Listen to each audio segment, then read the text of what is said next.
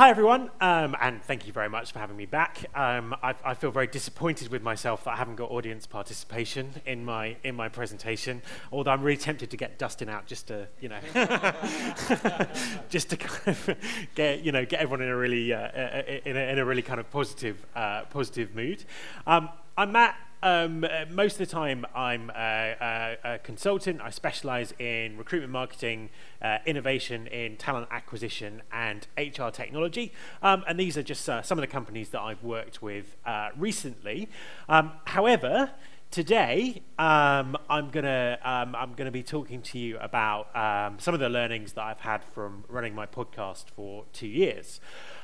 I started the podcast um, because I liked podcasts um, and uh, I like playing around with audio, and also um, I love doing research and talking to lots of uh, practitioners all over the world um, in the talent acquisition space to, to find out what's uh, to find out what's going on, to see if I can kind of aggregate those learnings and uh, and, bring them to a wider audience. So um, it was it was kind of started as a labour of love, and it, it really, um, for whatever reason, has has kind of really taken off. So uh, 14,000 people listen to it um, every every month now, um, and I've done 107 um, 107 interviews. Um, on the back of it, uh, I've also uh, written a book um, that um, uh, was out in May.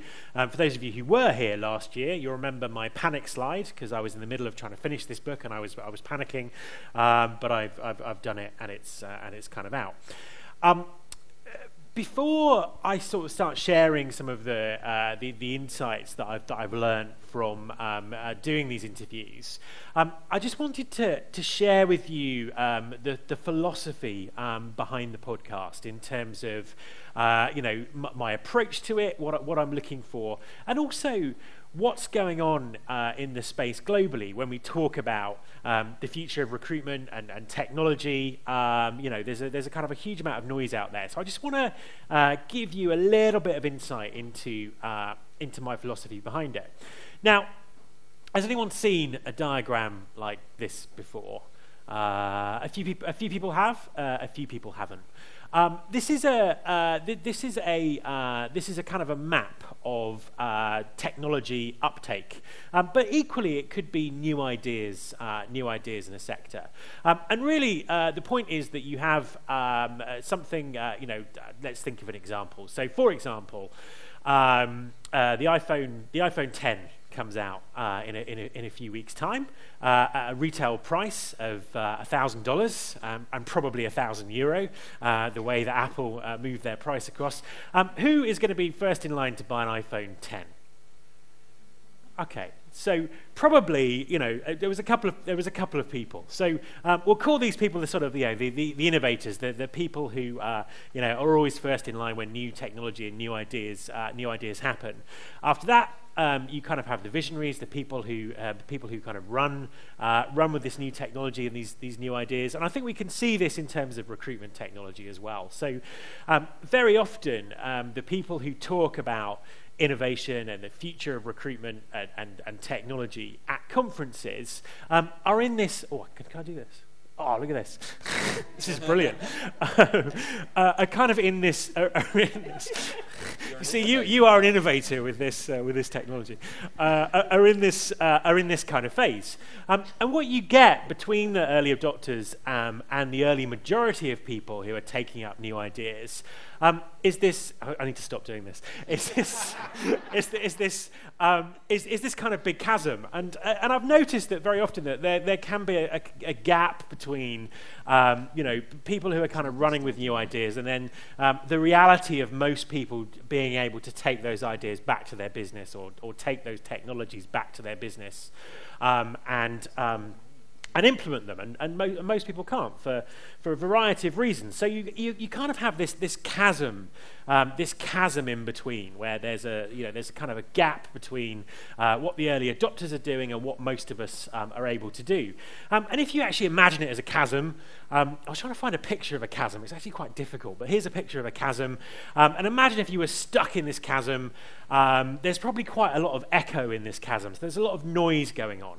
And I think that a lot of the, the noise and the conversations, and we were talking about um, how boring Facebook can get from a recruiter's arguing with each other perspective these days, um, it, it's kind of echoing around this, you know, it's echoing around this chasm. So there's a huge, huge amount of noise about what the future of the industry should look like and what technologies everyone should be um, taking up. But a lot of it is just that. It's just noise um, and it's just echo. And it causes two, I've seen it cause two distinct problems. Um, the first problem is um, the, the fear of missing out. Uh, so people feel that suddenly they're massively behind the curve because they haven't, um, in, in, you know, they haven't implemented um, artificial intelligence-based assessment within their, you know, within their business and have no plans to do that within the next six months.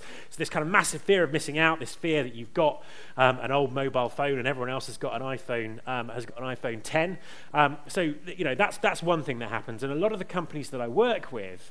Um, um, you know, I, will do kind of reality checks for them, and, and, and, and they'll realize that actually um, many of the companies they compete with, with for talent um, are in exactly the same space as them. You know, they're not adopting some of the weird and wonderful things we, sound, we see out there. Um, the flip side of it is um, very often, uh, you know, some of these topics, so take artificial intelligence, for example, um, can become so spun and so overblown and so kind of echo chambery that we ignore them altogether. We think, you know what, that's just nonsense, that's just hype, that's never going to happen. And that's a mistake as well. Um, I, I, found this quote the other day. I love this quote. Um, this was a piece of advice that was given to Henry Ford's lawyer in 1903 about whether he should invest £5,000 of his own money in the Ford Motor Company. Um, and the advice was the horse is here to stay, but the automobile, automobile is only a novelty, um, a fad. Now, luckily for Henry Ford's uh, nameless lawyer, um, he, uh, he did invest his £5,000 in the Ford Motor Company and got a return of something like 12 million, uh, you know, $12 million in, in, in old money, um, you know, in, in, 19, in 1920 or so. So, um, you know, th- there's two problems, this, this fear of missing out, but also uh, sometimes we get so bored with hearing about um, some of these innovations, we miss things that are actually going to be really, really important to the industry. Um, I, found, I found this graph that really sums it up brilliantly in terms of where I like to position my interviews and my, and my conversations, and it reflects back to what um, Andrea was saying about, uh, about Facebook earlier. So um, this is a kind of a map of political conversations on, uh, on Facebook, and if you go uh, you know, too far to the left, you have lots of people saying things and all agreeing with each other. So, you know, artificial intelligence is here for recruitment and we need to implement it by Friday. Like, like, like, like, like, like, like. So you get this echo echo chamber um, where 50 people think the entire world agrees with them, um, and that's, that's not, not actually the case. On the other side, um, flame wars, so lots of comments, people going, this is nonsense, this is absolutely rubbish, you know, lots of pretty unuseful um, and sometimes very personal um, arguments that don't move the debate forward. And actually, you know, where I like to sit is uh, in this valley of open mindedness where you can have productive um, discussions. So, so looking at things pragmatically and thinking about, you know, what, you know, what actually is the future, what's working, uh, what is something that one company is doing that might work for lots of companies, and what's something that one company is doing that isn't really going to uh, catch on as a trend. So, on the back of uh, when I got to 100 interviews, I decided to look back through uh, all of the content um, so it's 45 hours of content, so I didn't re listen to all of it, but I went back and um, tried to see what. Um, what were the trends that were coming through the interviews that I'd done? Now, I try and make the interviews as diverse as possible in terms of uh, geography and industry um, and size of company. So I've had, um, I've interviewed people who work for 10 people startups. I've interviewed people who work for uh, companies with hundreds of thousands of people. And what was really, really interesting when I looked at this kind of this, this body of information um, was there were, there were several trends that kind of ran across, ran across everything. So um, what I want to kind of do is just sort of present uh, what some of these trends are, um, talk a little bit about what I'm seeing and what I think is possible, um, and then give you, I can't play it, but I'll give you the highlights of uh, one of the interviews that I've done with someone um, who I think uh, very sort of pragmatically displays what this, what this trend is in reality. So um, the rest of my presentation, you know, I'm, I'm standing on the shoulder of giants. Um, these, this is, these are other people's, uh, other people's content. Um, and I've put links, um, I put links in them. Um, don't try and write them down because um, um, it, it's probably a bit tricky, but um, I'm sure you'll get a copy of the presentation afterwards and you can just click through um, and listen to the whole interview if you're interested. So first up, um, recruiting, uh, recruiting strategy. Um, and again, and I think this is, this is, this is, this is really, this is, this is a really, really interesting one.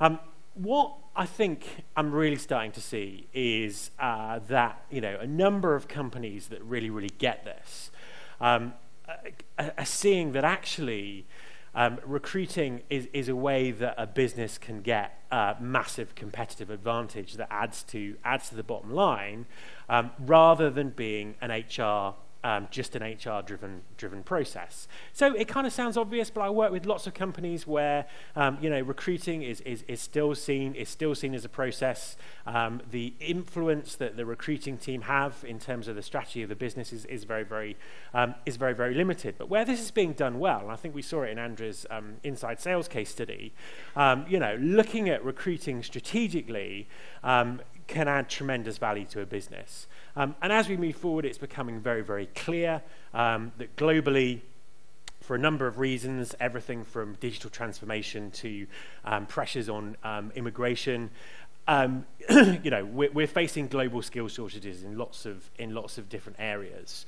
Um, and actually, um, the companies that, that, that, can win and attract the best talent to their business um, will be the companies that win. And I think there will be kind of winners and losers in the next, in the next few years um, around that competitive talent advantage. Um, my, my example um, for this um, is, actually, is actually Google. Um, so uh, Laszlo Bock was the, um, the, the kind of head of uh, Google uh, people operations globally. Um, I think he left his, he kind of, he's moved on to a startup um, uh, a, a, few months back, but um, I saw him do a presentation last week and he was still talking about his time at Google. So if he's talking about it, then I'm going to talk about it. Um, I was really lucky to interview him actually. He, he produced a, uh, he published a book a couple of years ago um, and did a very kind of brief book tour. And um, he was in London for, for one day. And, uh, you know, because, because you, you, you know, you should always ask for things, um, I kind of sent a, letter, a message to his publicist and said, can I interview him?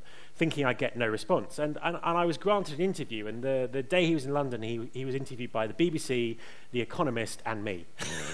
Um, and it was only episode 14 of my podcast so I didn't even have a very big audience. So um, so that was you know that that was kind of lucky. But from a recruitment strategy perspective, um, you know, and, and the value back to the business, I think the, the key points about what he, uh, what he spoke about were really, really interesting. Um, and, and, first and foremost, it was the fact that he felt that hiring um, was the single most important people activity that any company can do. So, um, you know, more important than any other aspect of HR. Um, um, if you get hiring right, you can acquire exceptional talent um, to drive competitive advantage. Um, and uh, to kind of really sort of put their money where their mouth is there, um, Google spend a higher proportion of their overall budget on hiring than any other company, so they claim. Um, and this is despite the fact that they get 3 million applications every year. Um, which you know mostly arrive because uh, you know because of their brand and that people want to work there. So even though they've got that massive kind of flow of applications, they're spending more money, uh, you know, on hiring as a percentage of their, uh, you know, as a percentage than, than anyone else. Um, the other interesting thing was, um, you know, certainly, certainly back when, when this was recorded, um, uh, Larry Page, who was the CEO at the time, um, approves every single hire. So uh, they basically have a process where um, everyone they're hiring that week kind of gets wrapped up into a spreadsheet, and it eventually goes to um, eventually goes right to the top to uh, you know to, to, to, to be approved, um, which you know which is interesting. I mean, it doesn't sound very um, uh, it doesn't sound very efficient, um, but I think they, they'd found an efficient way of doing it. But it certainly sends a message of how important recruiting um, and getting the best people into that company is. So um, I think it's a great example, sort of, you know, of, of, a company that takes this incredibly seriously and sees it as, um, you know, one of the most important things it does to drive um, to drive competitive advantage. So, um, there, you know, there are a few other um, examples of uh, sort of great thinking around uh, recruitment strategy, but I think that's, uh, um, you know, that's certainly a good one. So recruitment strategy. So more and more companies um, tying recruitment to business performance in, um, you know, new and interesting ways. Um, the next one uh, is, uh, is, is recruitment marketing. Um, I've always found this interesting. So I, have worked in recruitment marketing since about 1999. Um, but you could be forgiven for thinking that recruitment marketing was invented about three years ago um, by, by the way that some of the new tools that are coming into the market um, are spinning the fact that they've invented, uh, they've invented recruitment marketing. Um, so when I kind of dig, when I kind of dig down into this, and I've got some great, um, you know, some great interviews and some really great examples of um, you know brilliant recruitment marketing. But what's becoming clear is um, as digital marketing gets more complex, more targeted, uh, you know, more interesting. Um, a lot of the techniques and learnings from that are being brought across into recruitment marketing. So uh, on the screen now are a couple of diagrams from um, a couple of UK-based companies who um, are offering different types of targeted pro pro programmatic advertising um, for, for, recruiting. And I won't sort of go into the details of what this all means, but um, what's really interesting is the, the ability to, to track, to target very specific audiences, um, to nurture audiences with content over time, um, and to uh, you know use technology to do that um, is adding a, a huge level of sophistication um, sophistication to recruitment recruitment marketing. So, um, you know, I, I think this is going to be a, a, a, massive trend that we can look to over the next sort of two or three years um, in terms of you know how how we market our, our, our jobs. Um, and target target the people that we're looking for. Um, you know how an extra level of sophistication can can come into that. Um, my example for this one is um, from Salesforce. So I did an interview with um, uh, Jennifer Johnson, who's the head of global employer branding for Salesforce, based in California. Um, I like this interview so much; it made it as a case study, uh, a case study into the book. So if you read the book, you can read the you can read the full case study. Um, but what was really interesting, uh, what I thought was really interesting about this interview, it was. Um, it was very clear that um, Salesforce were applying um, a lot of the, the thinking and, and techniques that they use to market their product um, to actually uh, you know find the, the, the, hires that they that they that they were looking for. So um, I kind of flip back and forward a little bit. Um, what, what's interesting, the problem they have um, um, is finding good enterprise software salespeople. That was their biggest, uh, biggest recruitment pain. Um, half a million applications a year, again, driven by a very strong brand. Um, only 20% of those applications were actually um, suitable as, as potential hires. So, uh, you know, a huge amount of noise, but actually, you know, very, very difficult for them to, um, difficult to find, to find people. So I've, I've stolen one of her, um, I've stolen one of her slides that kind of describes their, um, describes their process of, of recruitment. Um, and interestingly, you know, calling recruitment marketing targeted lead generation, um, I, I, think is a really interesting, uh, a really kind of interesting leap in terms of, um, in terms of thinking. Um, so what they do is they're very, very targeted um, uh, about who they're looking for. Um, they've kind of mapped out the audiences that they're talking to across the cities in which they're based. Um, they do a lot of pre-qualifying um, in terms of they won't put anyone into their um, CRM database unless they meet the criteria to work there. Um, so lots and lots of sort of pre-filtering and pre-qualification um, before they even attempt to speak to these people or build a relationship with them. Um, and then it's kind of about building a relationship over time. So um, they're, they're, using something that um, the US analysts would call talent relationship marketing um, because we need another buzz phrase in our industry. There's just not enough. and what they're doing is, as I say, putting, only putting people into their sort of talent pipeline um, who, who, who could potentially work there. But what's really interesting is they're nurturing those people over time. So they're building up um, a relationship with uh, potential hires, um, you know, maybe over a two-year period um, until those people are ready to move. So um, they're constantly, uh, you know, sending out content, inviting people to events, um, and, and really nurturing those relationships over time. And I thought that's a really interesting, um, you know, kind of really interesting ex- example. So there are, there are loads of other examples, but just in terms of taking that kind of very uh, sophisticated digital marketing methodology um, and bring it into recruitment. I thought this was a, I, I thought this was a great one. The next one um, is data and analytics. Um, and I think, again, this is a really interesting space. And I think that um, there are huge amounts of um, uh, possibilities, uh, you know, possibilities here in terms of um, in terms of what can be done. Um, I genuinely believe that we'll move to um, an age of you know predictive analytics in recruitment, where we can uh, you know we can make decisions and, and kind of predict um, predict what's going to happen. But actually, the reality is. Um, we're a really long way away from that at the moment. So, uh, you know, I work with a couple of companies who can't even get um, uh, you know, can't even get data from their career sites in terms of, um, in terms of what's going on. So um, standing up on stage and, and declaring the, the predictive analytics era of recruiting is here um, is, is a very premature thing to do because I think everyone is, is, is still struggling um, with collecting and analyzing data. Um, and also, uh, you know, trying to work out, well, what should I actually measure and what, what's important um, you know, in the recruitment process. And you know, many companies, you know, still measuring things like time to hire, uh, you know, which uh, uh, you know may or may not be a, um, a useful um, a useful thing to do. Um, so my interview here isn't actually from a practitioner. It's from a um, it's from a US-based um, um, analyst.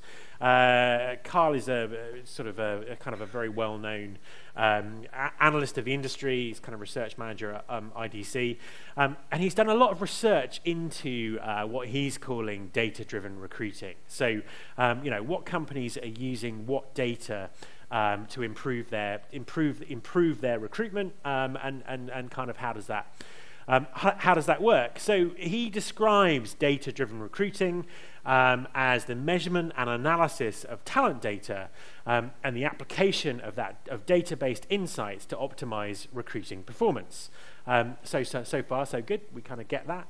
Um, and one of the interesting things that came out in my interview with him is he'd done a survey. Um, he surveyed employers who were who were using um, interesting amounts of data in their recruitment process, and he found he found something quite potentially quite disturbing. So, 91% of those employers who are using uh, you know, uh, you know, doing this kind of data-driven recruitment, um, were sharing that data with their executive teams. Um, but only three percent, only 23% were actually sharing it with the hiring managers that they that they worked with. Um, and the point that he makes in the interview is that um, recruiting is getting harder and harder. Um, so from a hiring manager perspective, it can seem that um, you know you kind of brief the recruitment team and they're, they're not doing anything because they've not um, provided any candidates and uh, everything is everything is broken. But actually, um, a huge amount of activity can be going on. Um, and, you know, it's very much his belief that actually by sharing, sharing that activity in a much more uh, you know, in a much more scientific way, um, you can really look at what's going on, what are the outcomes, um, and what do companies need to do to, in, to improve things. So, um, one of the examples he gives in the interview is um, the candidate experience um, and realizing that actually, you know, in a certain market, um, uh, one company's competitor is doing so much better because they're actually offering a better candidate experience, which is helping their reputation. Um, and actually understanding that through data um, means that the, the, the, employer could improve their candidate experience and, and, and compete, um, uh, you know, compete on a, an even playing field. So um, really, really interesting. So, you know, all about using data to, to explain what you're doing, uh, try and work out what the outcomes are and how you can, how you can do that better. Um, and uh, he, he also shares a frame, a really simple framework to, to move towards that, which I, which I really liked. Um, so stage one was measure what you can. What data do you actually have um, in, your, in your process? What can you measure? Stage two talk to the business about what metrics are actually important, what people are paying attention to, uh, what really matters, um, and then measure frequently and consistently.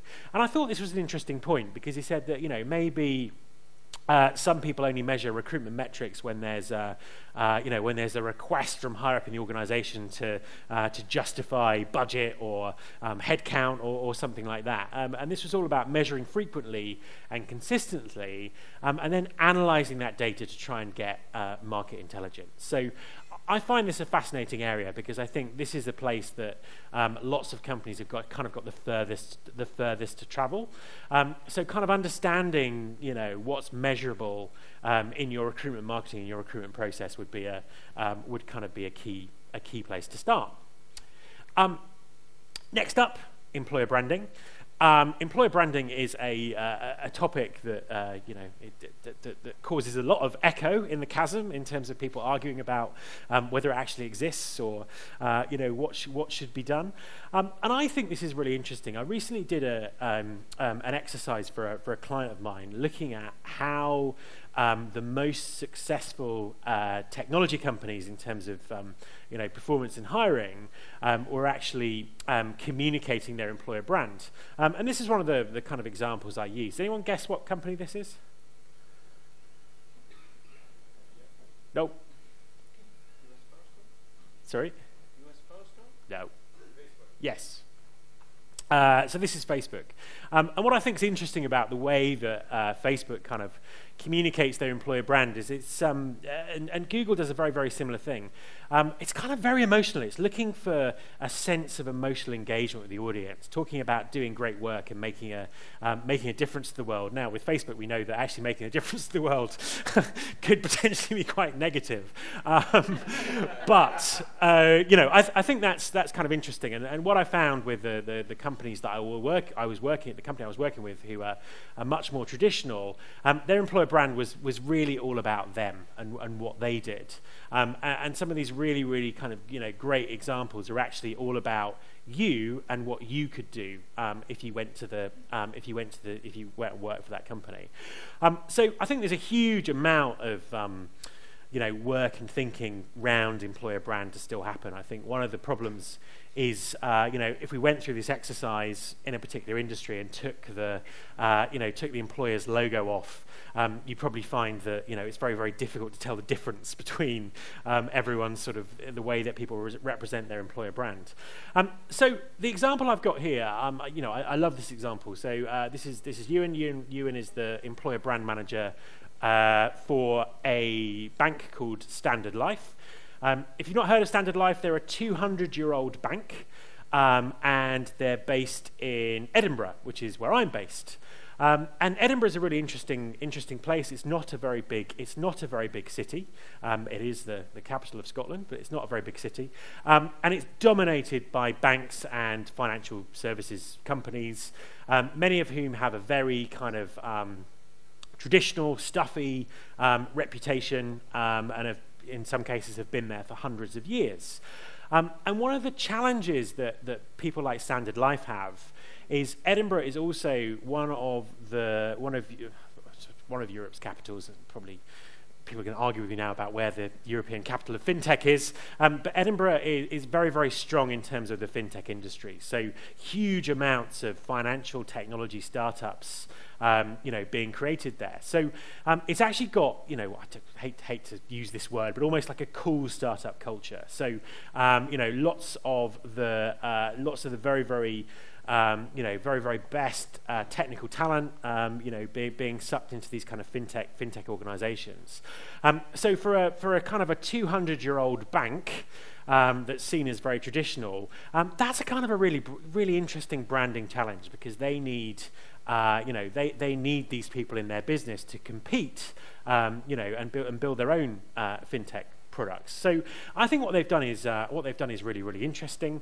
Um, you know, it's far more difficult for an established company to do this than someone like Google and Facebook, who are kind of you know created from the from the bottom up in the last ten years. Um, so to Ewan, um, his his um, definition of employer brand is just one word, which is transparency. Um, and it's like, what is it really like to work here? Um, and a lot of the stuff that Standard Life do is actually dispelling myths about um, what they're like as a company. So they don't have a dress code. They've got, you know, great offices. They work on some, you know, some fantastic software. You can really do sort of great work within the business. Um, and their challenge is communicating that out, you know, communicating that to, to an audience that has, um, you know, lots of preconceptions about what they do. Um, and some of the things that they've done is, um, you know, in, particularly in their early careers hiring, they've stopped using job adverts completely. And like my voice has just stopped completely. so they stopped using job ads completely, um, and they're now using stories as a way um, as a way to talk about um, you know what the job's like. So interviewing people, doing Q and A with people, um, and using that um, as the actual job ad rather than basing it on a job on a job description. And they've done all they've all kinds of initiatives that they've done um, around this, and they've had some really, some really great results. So in the last two years, they've gone from 65% um, of their uh, recruitment coming from recruitment agencies um, to 5% um, in, in, in two years. Um, and that's meant they've been able to avoid uh, 1.5 million pounds worth of um, worth of spend. So, um, you know, a, a, fairly simple but clever uh, tactic done very consistently, um, you know, and really good results, and is making them be competitive um, in a highly competitive marketplace. So I really love that example. Um, next up, recruiting technology. Uh, lots of people on the podcast talk about recruiting technology. Um, it's almost one of my set questions that whenever I've got anyone on, I ask them how technology is helping or hindering, um, helping or hindering them. Um, and recruiting technology is getting insanely, insanely complicated and difficult to understand. Um, just because there are so many companies with so many different offer offerings who are all kind of overlapping with each other or looking at one tiny bit of the process. Um, and, I, and, I, think it can be a really, really difficult, can be really, really difficult, um, you know, to understand you know, how can this technology help me and what do I need to buy? So this was just a simplified diagram I, I did for a client based on different categories of um, uh, recruitment technology that are out there. Um, I've seen other people do things that are far more complicated than that. Um, I had a guest on a consultant on the podcast a few weeks ago, um, and he said that he'd identified 21 different categories of recruiting technology, basically, that you could use in, a, in, in kind of some kind of cascade. So um, insanely complicated. And how is someone who is, um, uh, you know, doing a job for an employer supposed to make sense of all of these kind of overlapping systems and, uh, you know, what, what should they buy? So one of my favorite examples um, is from uh, from Brad Cook here. Uh, when I this is quite an old interview; it's a couple of years old. So uh, when I spoke to Brad, he was working for Informatica, which is an uh, international data company. Uh, he's now moved on elsewhere, but I think that um, uh, you know the, the, content of the interview is still still stands. Um, and really, what comes across from talking to him is that he works on principles rather than being dictated to by technology. So he works out what he wants to do. He works out the, um, the guiding principles by which he's going to build his strategy, and he then went and found technology that supported that. So um, I think what happens sometimes is people do this completely the other way around. Um, they buy a piece of technology because it sounded great. Um, and then they're trying to sort of retrofit their strategy in to get the most out of the money they've spent. So it was really kind of working on core principles from the start. Um, and one of the core principles that he refers to in the interview is the sense of capturing someone's data once um, and using it many times. So uh, again, a company, a company in a very competitive environment, um, looking at engineering talent and sales talent in Silicon Valley. Um, and it was really like, if we can just, you know, grab someone's data um, and put them into a database and effectively use that to communicate with them over time, um, you know, that's really important. And what was, what was interesting was um, to him, because he was having uh, conversations with potential candidates that were going on for three or four years sometimes, um, the single most important, important piece of data for him to collect was actually a mobile number. Um, because the thinking was that actually, who's changed their mobile number in the last five years? Not many people. a couple of people have. Um, you know, I've had my mobile number for 10 years now. So, you know, as we change companies and um, as different platforms come in and out of vogue, um, you know, his idea was that actually that, you know, a lot of people keep their mobile number for longer, um, which I thought was quite interesting. So the whole of the, their approach to technology was based on that. Um, he's using a lot of SEO. He's using a recruitment marketing platform, um, an ATS and a CRM to kind of pull this together. Um, what was interesting is he also employed a, a research team um, who just went out and mapped the um, went out and mapped the market and kind of identified the sort of people they needed to pull into pull into their system. And that research team was human. So, um, you know, it was a bunch of people kind of manually trying to find out what was going on. So, uh, you know, no flashy algorithms or artificial intelligence here, um, just humans doing research and using technology um, to make the most out of what they were finding. Um, also, just in terms of, just in terms of um, data analytics and understanding what's going on, um, he projected that actually to get the hires they needed from the active candidates that they were recruiting, they needed 300,000 visits to their career site and 2,000 applications, and that was their model. Um, and everything they did back that up. So they invested in SEO to get the people to the site, um, and they checked that the way they were converting interest to make sure they got those applications. So a really interesting example of using data modeling um, to actually inform how your recruitment marketing strategy should work. Um, so that's the recruitment technology piece. Um, the last one is the future. The podcast is the Recruiting Future podcast, so uh, it would not be complete unless we, unless we had some, um, you know, crazy gazing into the future. Um, and you know, I've, I've, had people talk about some pretty futuristic stuff, which um, uh, you know, which, which which has been which has been really interesting. So difficult to sort of pick out uh, pick out a specific interview to talk about the future. Um, so what I'm doing is I, what, I, what, I, what I want to do with this section is just tie it back to um, tie it back to the kind of the research that um, the research that we did uh, the research that we did for the book and another piece of research that I've just finished um, uh, round round employer branding. So rather than the future in terms of um, you know uh, you know technology, this is the future in terms of what will companies have to do to make sure they get the kind of exceptional talent um, that the guy from Google, the guy from Google was talking about. Um, so in the book, we kind of identify. You probably sorry, you probably can't read this appallingly small type. So just enjoy the coloured circles. Um, so in the book, we identify that actually.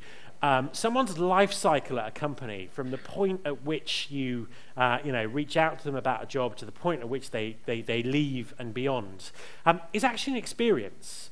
Um, and in HR and recruiting, we tend to deliver this as a series of processes. So we saw in our research that um, you know, people will be brilliant at recruiting and terrible at onboarding um, because they were done by different departments with different objectives, um, you know, and that was kind of undermining the, the, the whole kind of search for talent.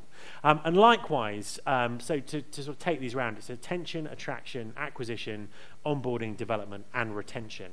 Um, and how that works as a how that works as a cycle, um, you know, I, I think is you know I think is really critical in terms of how you get and keep um, the best talent, um, the best the best talent in your business, um, and and all of this could be looked at um, under the label of um, uh, under the label of employee experience. Um, and the research that, that I've just that I've just concluded with my with my, my colleague Mervyn Dinnen, who was my co-author on the book, we looked at the relationship between employer brand and employee experience, um, and how that worked within organisations. So we spoke to um, uh, I think we spoke to 20 global heads of employer branding and then surveyed another 500 um, to see how much kind of you know control and influence and importance um, they had on employee experience because uh, you know employee experience is the kind of key um, differential um, in terms of talent. Um, rather than put an interview with myself up, um, I've picked this interview uh, with author and futurist Jacob Morgan, uh, who uh, some people like, some people don't. um, and uh, J- Jacob's one of these kind of Jacob's a professional speaker on the on the future of, of future of work, but he's very very um, research based in his methodology. Um, and he published a book earlier this year called The uh, Employee Experience Advantage, which is consistently listed higher on Amazon than my book. um, so it must be good. Um, and what I think is interesting about the interview here is um, uh, in his book, he set out to explore the problem of ineffective employee engagement. So uh, everyone talks about employee engagement and talks about it as a potential um, you know, competitive differentiator um, in their recruitment process. But actually, you know, what he was seeing was that many companies really weren't doing it very well. And actually, if you look at the stats of how people, how disengaged people are with their work, um, it just doesn't actually, um, it doesn't actually tally up to the amount of money that's spent on employee employee engagement. So uh, he wrote his book. He, used, he had five researchers, two data scientists, and analysed 252 companies to actually look at what's um, what's happening. Um, and he talks about this in the interview. Um, he found that actually uh, most companies are providing their employees with um, a really kind of outdated working environment and distracting them with nice perks. Um, and that was his kind of definition of employee engagement. It's like, um, we're going to give you stuff and tell you stuff to distract from the fact that your laptop doesn't work and uh, we all use Lotus Notes, uh, whatever it might be, which I think was interesting. Um, and in the book and in the interview, he talks about, you know, the employees, the, the companies that he feel actually get it right um, are offering what he calls experiential organizations um, and companies who go right back to strip everything back and work out um, how they can give the best um, employee experience. And, and really, the, the, the, three things that he focuses on are um, the culture, um, the physical space, and that includes um, you know, how companies work with remote workers um, and the tools that people actually use. So I think that's interesting because they're things that aren't necessarily talked about very much in um, you know, employee engagement present presentations, kind of very practical. Okay, I'm pretty much out of time, so uh, just a few links in the presentation. Um, if you want to know more, I, I, did a whole white paper um, with sort of five or six interviews for each topic, so you can get a sort of diverse, uh, diverse section of thought there. Um, if you want to listen to the podcast, uh, this is the website. Um, also available on iTunes. Um, it has its own app as well, Android and uh, Android and iPhone app. Uh, please buy my book, and uh, thank you very much.